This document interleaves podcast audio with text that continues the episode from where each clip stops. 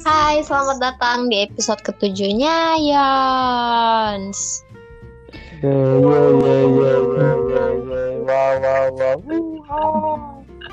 Ada Mika di sini. Ada Aji di sini. Ada Kokon di sini. Dan ada Cindy. Jadi kita mau ngebahas apa guys episode ini? Kita hari ini akan bahas tentang food spoilage atau kerusakan makanan. Nah, emang sebenarnya yang men, sebenarnya nih kan kita ngomongin kerusakan makanan. Tapi kerusakan makanan itu sendiri apa sih? Jangan kamu yang nanya, kan kamu jawab.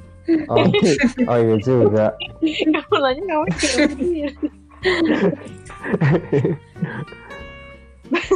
Jadi sebenarnya kalau kita pakai definisi yang diterima di kalangan ilmiahnya gitu, kerusakan makanan itu dia didefinisikan sebagai segala sesuatu yang menyebabkan makanan itu tidak bisa diterima oleh konsumen, jadi nggak bisa dimakan sama orang dari segi sensori.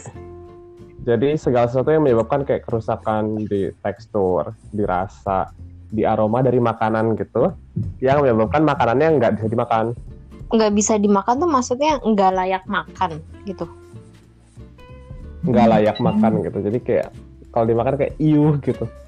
Oh, jadi maksudnya kayak biasanya kalau ke supermarket pasti milih pisang yang kuningnya masih bagus gitu. Nggak mungkin pilih pisang yang coklat-coklatnya udah banyak yang udah banyak-banyak itu gitu. Meskipun udah pisang Iya. banyak masih bisa dimakan. Iya. Meskipun pisang banyak itu paling oke kalau buat dibikin jadi banana bread. Berarti Iya. tergantung selera juga ya. Kayak ibu aku beli sukun utuh, eh di rumah ini dibiarin sampai luarnya tampak rusak gitu supaya terfermentasi. Ibu aku mabuk-mabukan sukun. Uh, Sumpah, habis, di, habis dikukus bau alkohol gitu.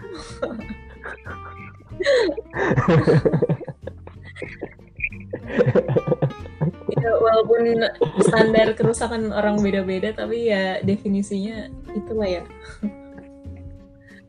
Mm-mm, jadi ya sebenarnya definisinya adalah ya meskipun kayaknya beda-beda per orang gitu ya, ya. karena ukurnya Tapi- sensori kan tadi dan sen dan Uh-uh. kayak ah itu sangat subjektif gitu akhirnya.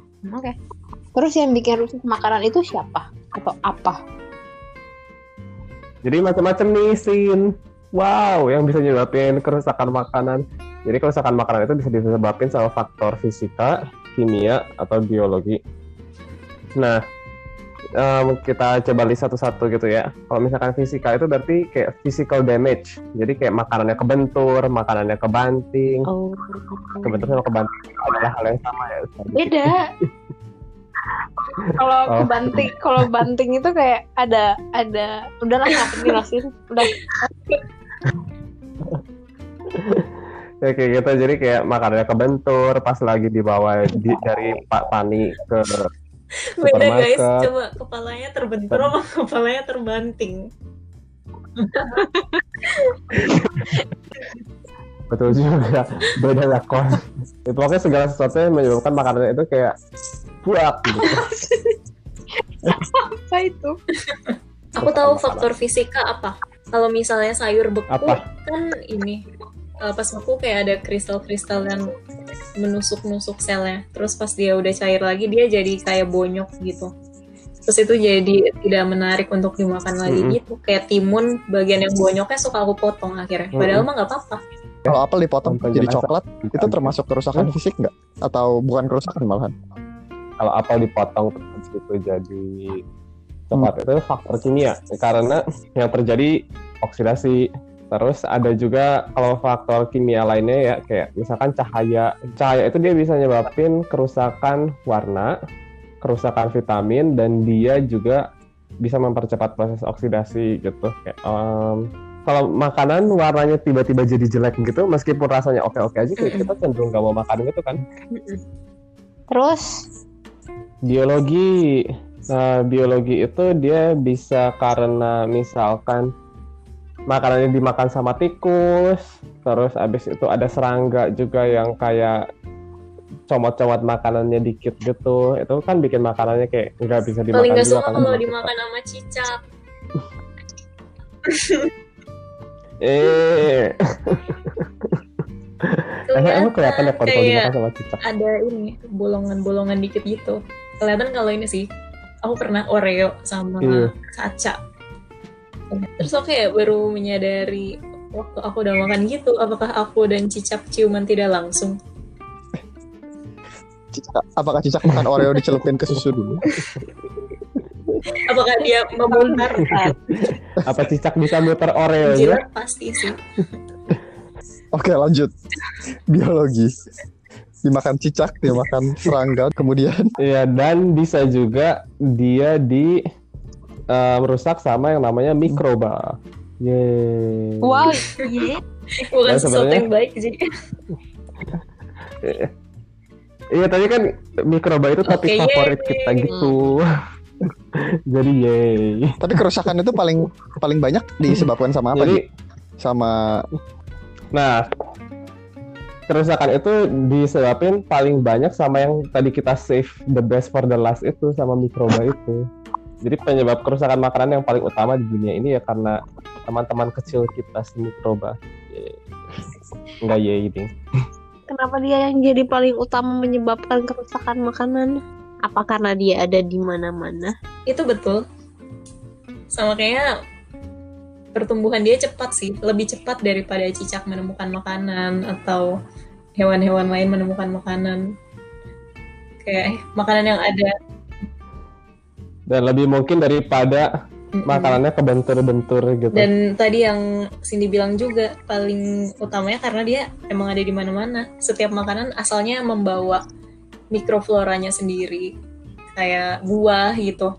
Makanya kalau di jus bisa jadi alkohol alkohol. Bisa jadi minuman beralkohol. Karena semuanya membawa bakterinya sendiri. Cuman bedanya kalau fermentasi itu kan yang mendominasi adalah mikroba yang menghasilkan sesuatu yang kita inginkan.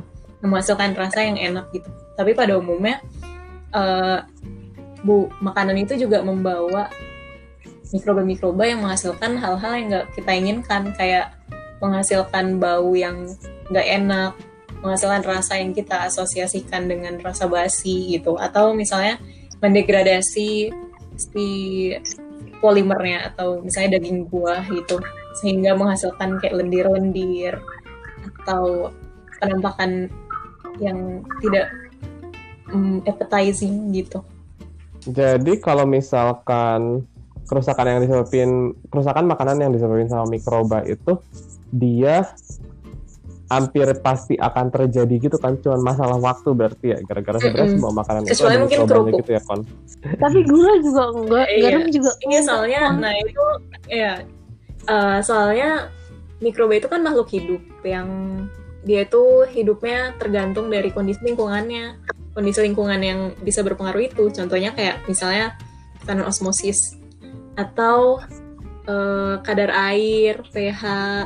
Hmm, tekanan osmosis itu contohnya dia dipengaruhi sama gula sama garam itu. ya mungkin karena ada perbedaan antara perbedaan kadar air di di dalam sel bakterinya dan di luar sel bakterinya. Jadi mau nggak mau air air harus menyeimbangkan air harus menyeimbangkan em, konsentrasinya kan di di di dalam dan di luar sel. Jadi misalnya kalau di dalam kalau misalnya di dalam sel kalau bisa di dalam sel eh, konsentrasi konsentrasi gula dan garam lebih rendah dibandingkan di luar, berarti kan em, air akan air akan keluar dari sel dari selnya karena dia mau ceritanya mau berusaha untuk menyamai em, konsentrasi yang ada di dalam selnya gitu kan. Nah, em, permasalahannya adalah permasalahannya adalah em, air tuh bisa bergerak dengan bebas dari dalam dan luar sel. Tapi kayak garam dan karbohidrat nggak bisa main keluar masuk aja. Jadi umumnya air yang akan duluan keluar untuk menyamai konsentrasi. Dia sebenarnya berusaha untuk menyamai konsentrasinya. Tapi sebenarnya kan oh, pasti gagal dong ya kan karena di luar terlalu banyak gula dan garam. Hmm. Jadi akhirnya yang terjadi lah airnya bakal keluar semua terus jadi sel kering gitu. dari osmosis ini kalau misalkan terjadi gitu kayak misalkan mikroba dia nyampe ke gula gula pasir gitu mendarat ciu mendarat gitu nah terus kan bakal dia si mikroba si selnya ini membrannya itu bakal ngerasain bahwa oke konsentrasi gula di luar itu jauh lebih tinggi daripada di dalam sel.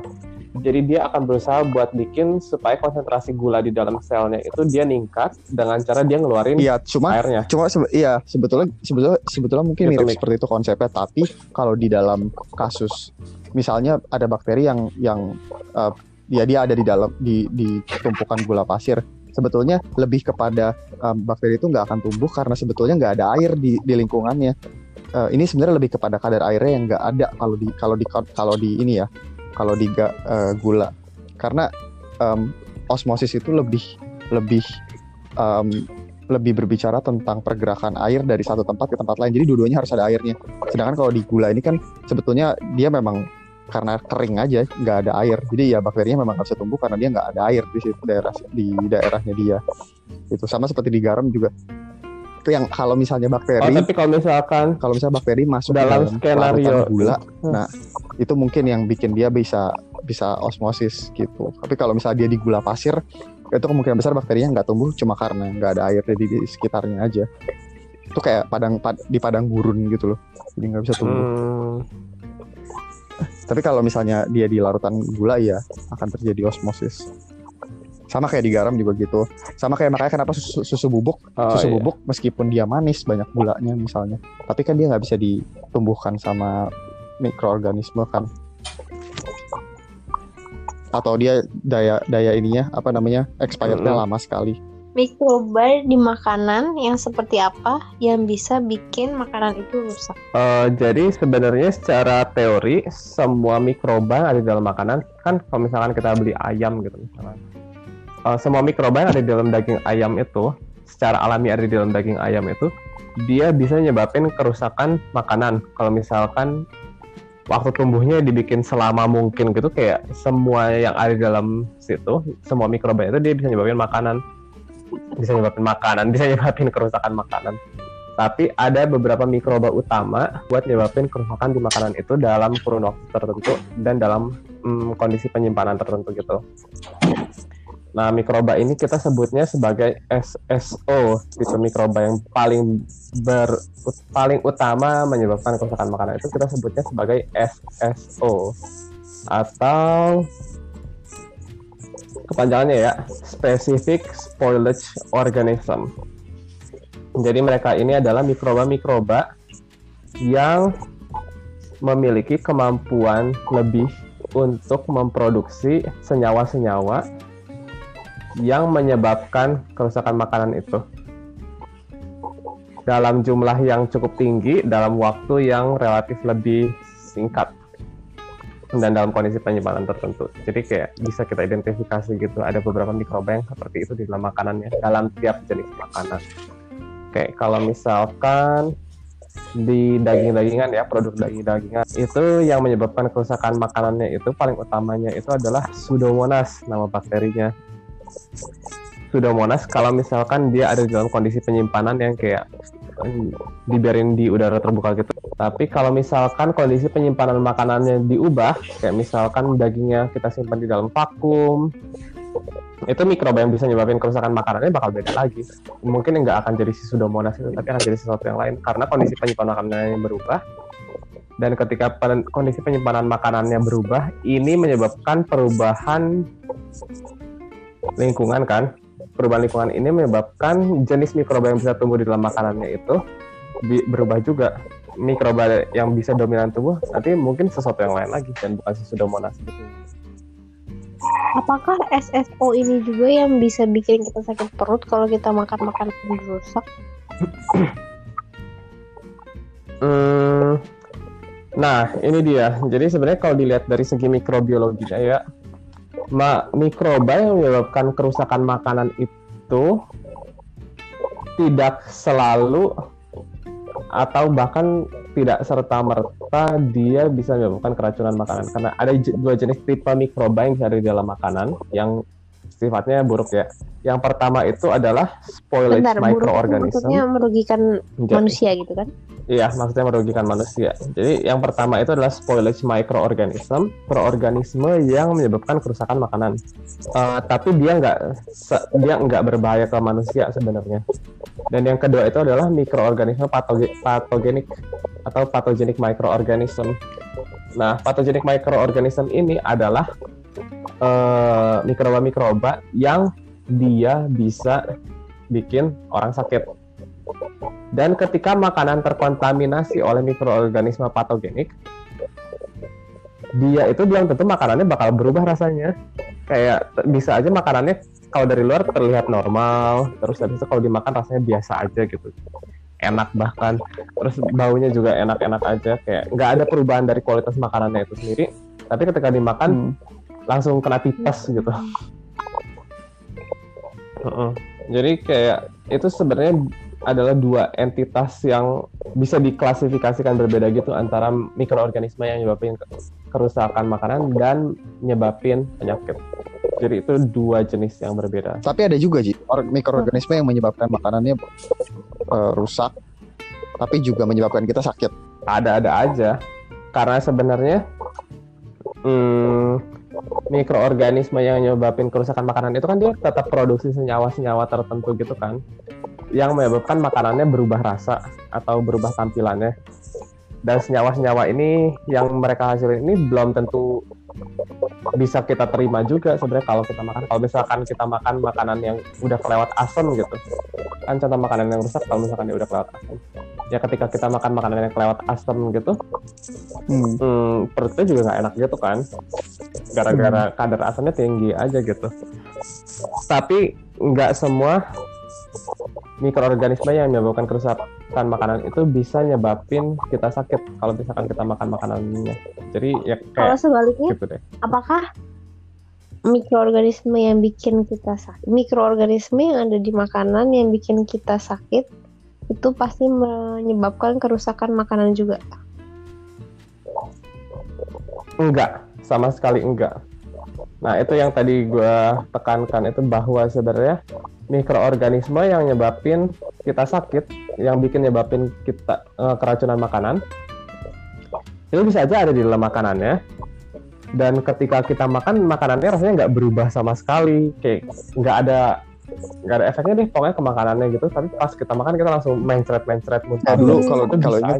Em, di dekat di dekat fakultas seni rupa di kampus kita tercinta kan ada yang jualan nasi ayam kotak itu inget gak?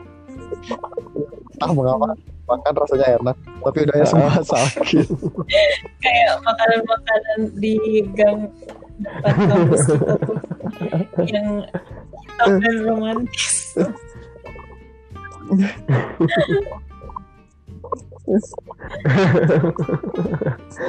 hitam dan romantis ya aku pengen nanya juga kalau yang parasit kontaminasi parasit? Parasit itu sebenarnya kalau misalkan dari website yang aku baca dia digolonginnya kayak masuknya ke dalam hmm, hewan kecil. Tapi ya sebenarnya parasit juga masuk ke dalam ini sih. Karena dia mikirnya parasit mikroorganisme kan menurut aku. parasit kan bisa cacing gitu, Ji. oh Tapi iya berarti ya Kamu kan udah bikin udah bikin podcast parasit itu adalah cara dia hidup. iya betul tapi juga berarti dia masuk ke penyebab kerusakan juga ya. Soalnya cicak aja masuk. Apalagi ya tapi ker-. Tapi kalau pakai definisi parasit kayak nggak masuk gitu nggak sih buat ke sini? Soalnya parasit itu kan dia kalau mau ngomong parasit, parasit itu kan dia perlu organisme hidup kan buat tumbuh.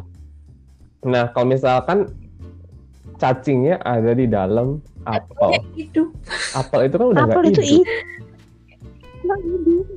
kan sel tumbuhannya hidup Ji Bijinya hidup, apelnya mah kagak. Ya tapi kan apelnya nggak Iya, sama dia nggak berfotosintesis kan, apelnya kayak apelnya nggak berespirasi. Ini? Iya jadi ketika dibilang bahwa menurut gue pakai definisi parasit nggak cocok deh kalau dalam makanan. Kayak kalau misalkan di dalam daging, dagingnya kan udah nggak hidup. Jadi kayak bukan parasit, ah, jatuhnya di Tapi sini Tapi saprofit. kan dia memanfaatkan sari-sari yang ada di Di dalam antara- daging itu.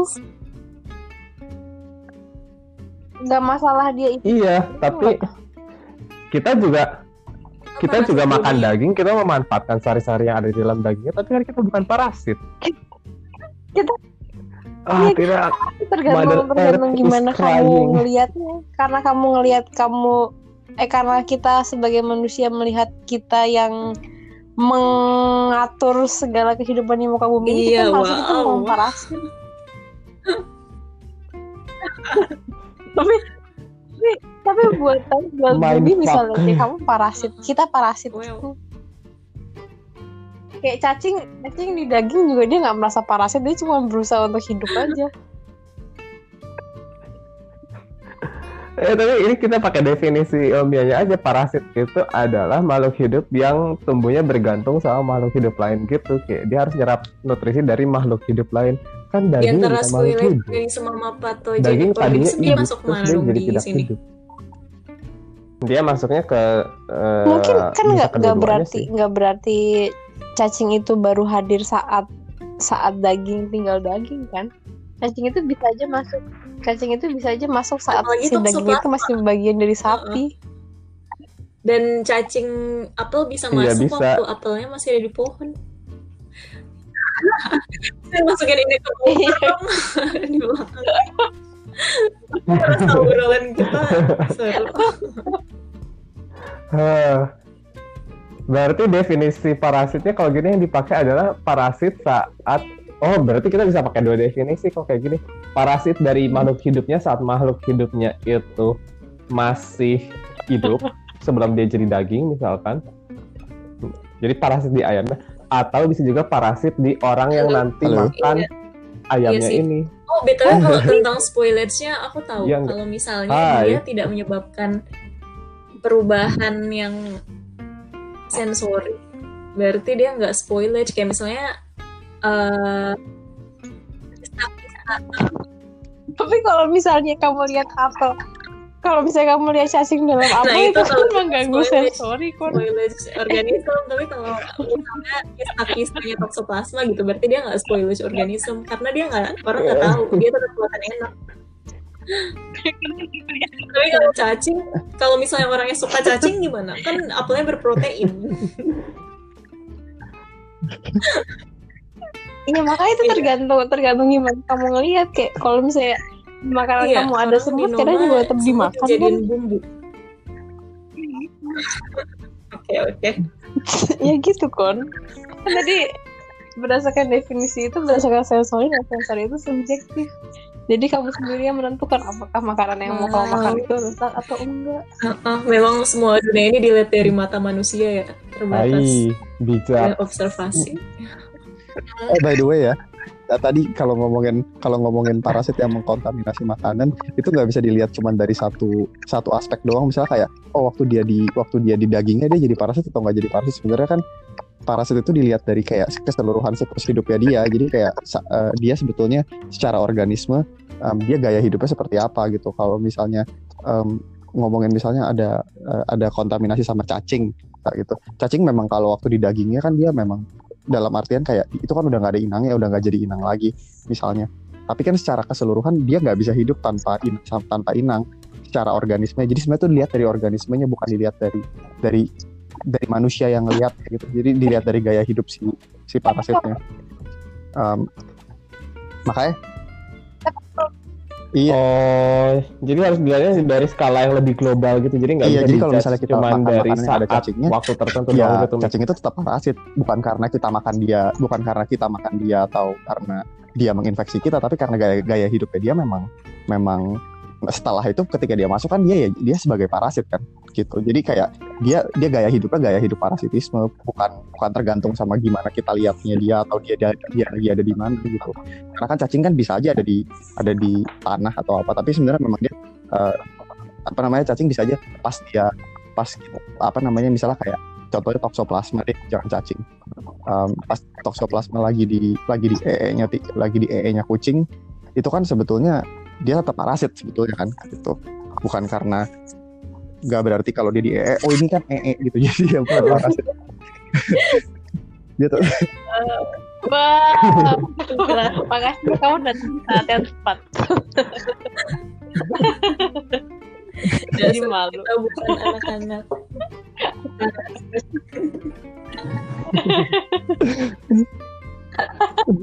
Wah, makasih ya, Mik. Apakah Tanya. kalau misalnya kita bilang, eh makanan itu rusak, kita bisa bilang, eh makanan itu basi, atau eh makanan itu busuk. Apakah mereka bertiga punya definisi, punya pengertian yang sama? Ya nggak bisa sih kalau kerupuk tadi. Eh kerupuknya Sebenarnya kalau misalkan kita pakai ini ya, kalau kita nawarin gitu, kayak selama ini makanan yang kita sebut basi itu coba kalau kita sebut basi itu makanannya kayak gimana sih? Rata-rata cirinya kayak udah asam terus baunya aneh gitu kan? Kalau misalkan kita sebut makanan Mm, itu mm, basi kan? Jadi ketika kita bilang makanan basi itu kayaknya kita lebih nge-refer ke makanan yang rusak akibat aktivitas mikroba gitu Emang atau aktivitas enggak? biologis secara umum. Busuk pun iya tapi kalau basi itu dia lebih ke ini ya coba ini ini definisi gua ini definisi rumah Aji ceritanya. Jadi nggak tahu kalau di rumah Mika rumah Cindy rumah Kupon gimana definisinya. Tapi kalau di rumah gua nih makanan yang disebut basi itu adalah makanan yang udah diolah. Kayak kalau bilang apel apel itu hmm, busuk bukan basi sedangkan kalau mau bilang nasi kuning nasi kuning itu basi bukan busuk jadi kalau ngelihat basi atau busuk ya eh, menurut gue lebih ke makanannya itu udah diolah atau belum? Kalau buat makanan yang kayak Nasi- bahan mentah nasi- gitu nasi itu basi basi ya? tapi kalau udah diolah di jadi basi. Nasi basi kan nasi udah masuk rice cooker dan basi ataupun busuk kayaknya ya rata-rata itu. Enggak sih gue cukup yakin bahwa yang kita sebut sebagai basi dan busuk itu adalah kerusakan makanan yang disebabkan sama aktivitas hmm, jadi biologis. basi dan busuk itu ada di bawah cakupan makanan rusak. Tapi yang beda adalah Makanan objeknya. rusak, Kalau busuk tuh lebih ke makanan apa sih makanan mentah gitu ya. Busuk makanan makan. Bahan bahan Sedangkan kalau bahan basi makanan yang udah diolah. Iya. Jadi kalau kita lihat definisi umumnya ya, kayak bilang makanan rusak itu, itu bisa aja kerupuk melempem itu rusak. Nasi jadi asam itu rusak. Pisang jadi hitam-hitam terus jadi benyek nggak jelas itu makan rusak juga. Tapi kalau misalkan kita bilang basi, nasi jadi asam itu basi, Terus kalau kita bilang busuk, pisang Mm-mm. jadi hitam itu busuk. Selamat datang di Kalau susu apa, Ji? Indonesia. Oke. susu basi Sus Wah susah nih. Susu, susu bus susu basi. kayaknya kalau susu kenapa basi udah ada ya? pasangannya nggak sih tapi karena kayak permasalahan bahasa apa ya kayak grammar gitu. Kita mengetahuinya seiring kita belajar bahasa aja. Berarti basi sama busuk sebenarnya mereka sama-sama menggambarkan um, kerusakan aki- akibat biologis gitu ya. Yang yang bikin yang bikin kita sakit kalau kita makan makanan yang kalau kita makan makanan yang basi itu em, itu metabolit selalu metabolitnya bakterinya kah? Atau Kalau makanan basi iya, soalnya sebenarnya mikrobanya itu ketika ada di dalam makanan situ meskipun dia tumbuh di dalam tubuh kita, kalau misalnya Hmm. kita makan dia nggak nyebabin sakit langsung di dalam tubuhnya. Yang lebih nyebabin makanan basi itu kalau toksin gimana Ji? berbahaya buat kita ya karena metabolitnya sih kalau menurut gua. Toksin dihasilkan sama mikrobanya.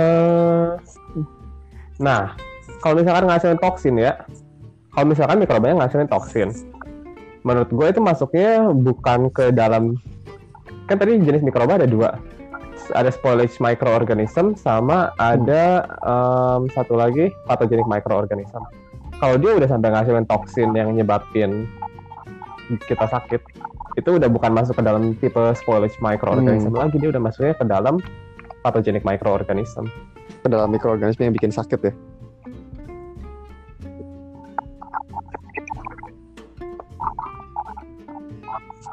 Mm-mm. Dan ketika ada di dalam makanan, meskipun dia berkontribusi ke dalam kerusakan makanannya, hmm, kita akan mengidentifikasi dia sebagai mikroorganisme Hmm. patogenik dan bukan serta bukan cuman Oh, mikroorganisme yang maksudnya jadi metabol metabolit metabolit itu yang tadi dimaksud doang. Mhm. itu lebih kepada uh, metabolit metabolit yang menyebabkan perubahan um, rasa dan tingkat keasaman dan lain-lain tapi bukan bikin sakit gitu ya jadi dia secara nggak langsung bikin kita sakit karena karena memang dia mengasamkan saja dan dan lain-lain Ah, gitu maksudnya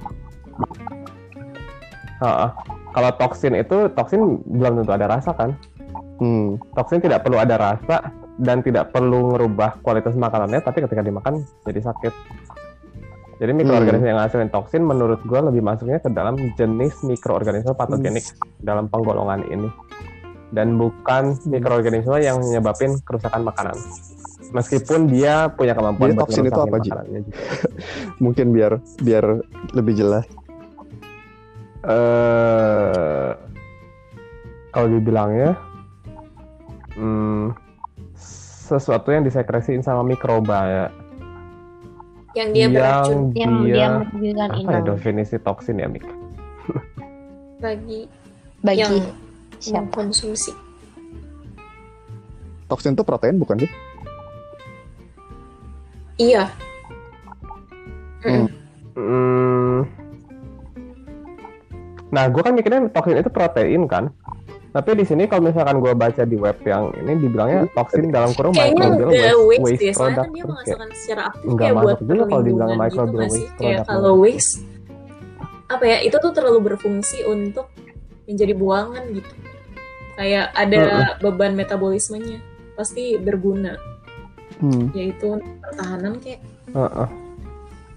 Kalau setahu aku sih kalau racun ular protein, tapi kayaknya jauh.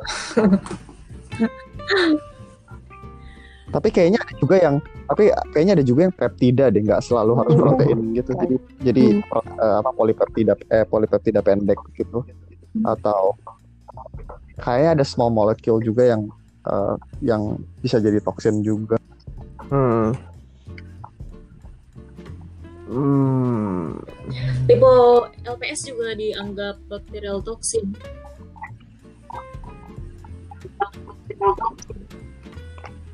LPS dan protein katanya. Tapi kalau botulinum neurotoxin apa ya? Protein. Iya. Tambah baca definisi toksin, gue tambah bingung gitu. Soalnya di sini dibilangnya kayak toksin itu adalah bagian dari racun. Terus tapi dia itu disekresiin sama sel.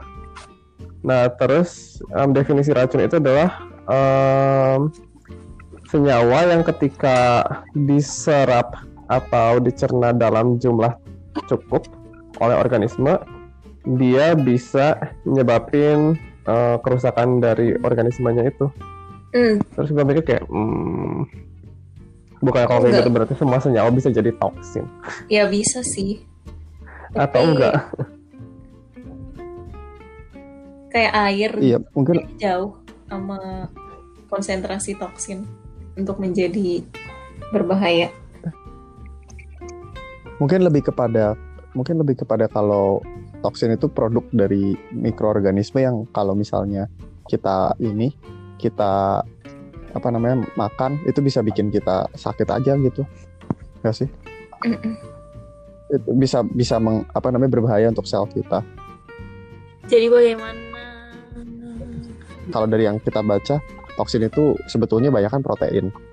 Tapi Mm-mm. tapi nggak semuanya protein juga karena ada lipopolisakarida dan ada juga um, um, peptida peptida pe- eh, peptida peptida pendek. Tapi secara umum sebetulnya toksin adalah um, satu substa- eh, satu substansi atau satu eh, produk dari dari eh, mikroorganisme yang kalau misalnya dia ter dia terekspos ter- eh, dia dia terekspos sel kita sel kita bisa rusak gitu.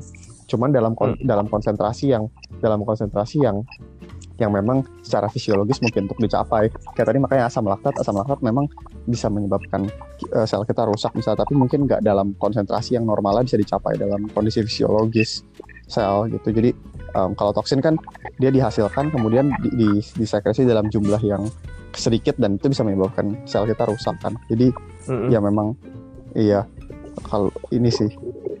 Cuma agak abu agak abu-abu definisinya cuman em, toksin memang penamaan aja kan jadi sebetulnya semua molekul sebetulnya bisa jadi, bisa bisa jadi toksin Ah, ah. iya cuma nggak cuma nggak semua kita memang namain toksin karena umumnya kon- yang konsentrasinya kecil dan bisa menyebabkan kerusakan sel yang besar yang umumnya kita namain toksin akhirnya ya tapi itu, itu Hmm. produk beracun produk yang beracun untuk sel kita lah kalau bahasa gampangnya kan Oke. Mm-mm. Dan dia mekanisme kerjanya aktif berarti bahwa Mm-mm. Oke oke oke oke oke. Kayaknya gua ngeh sekarang deh. Mm-mm. Oke, jadi sekian dulu episode ketujuhnya Yens kita. Hari ini kita udah ngobrol tentang kerusakan makanan, mulai dari definisinya sampai apa aja yang bisa bikin makanan itu rusak. Bisa secara fisika, bisa secara kimia, bisa juga secara biologi. Dan untuk biologi itu tidak terbatas kepada binatang-binatang yang bikin yang kelihatan tapi juga mikroorganisme dan ternyata mikroorganisme itu penyumbang paling besar untuk makanan rusak. Nah, biasanya kelompok mikroorganisme di suatu makanan yang akhirnya bisa yang berpotensi bi- bisa bikin makanan itu rusak, kita sebut dia sebagai SSO. SSO ini belum tidak serta-merta bikin kita sakit, jadi SSO ini tidak serta merta punya sifat patogen, punya sifat sebagai patogen. Tuh. Terus kalau kita bicara soal patogen, hmm, yang yang bisa bikin kita sakit itu sebenarnya karena mikroorganismenya mengeluarkan toksin. Tadi kita juga udah bahas soal toksin. Dan terakhir kita juga bahas tentang istilah basi dan busuk yang biasa kita pakai di kehidupan sehari-hari. Sebenarnya kalau dari hasil ngobrol-ngobrol kita, makanan basi atau busuk itu tidak terikat kepada suatu objek tertentu, tapi lebih kepada kebiasaan kita aja gitu. Kita pakai istilah basi untuk nasi, kita pakai istilah mm, busuk buat buah-buahan misalnya. Tapi kalau pakai susu, kalau kita ngomongin susu itu juga pakai basi. Jadi sebenarnya tergantung kebiasaan kita menggunakan basi dan busuk itu sendiri. Dan basi atau busuk itu masuk ke dalam cakupan kerusakan makanan. Begitu. Mari kita tutup episode ketujuhnya ini dan terima kasih sudah mendengarkan sampai habis. Sampai jumpa di episode selanjutnya. Cindy, Kokon, Aji, Mika, pamit.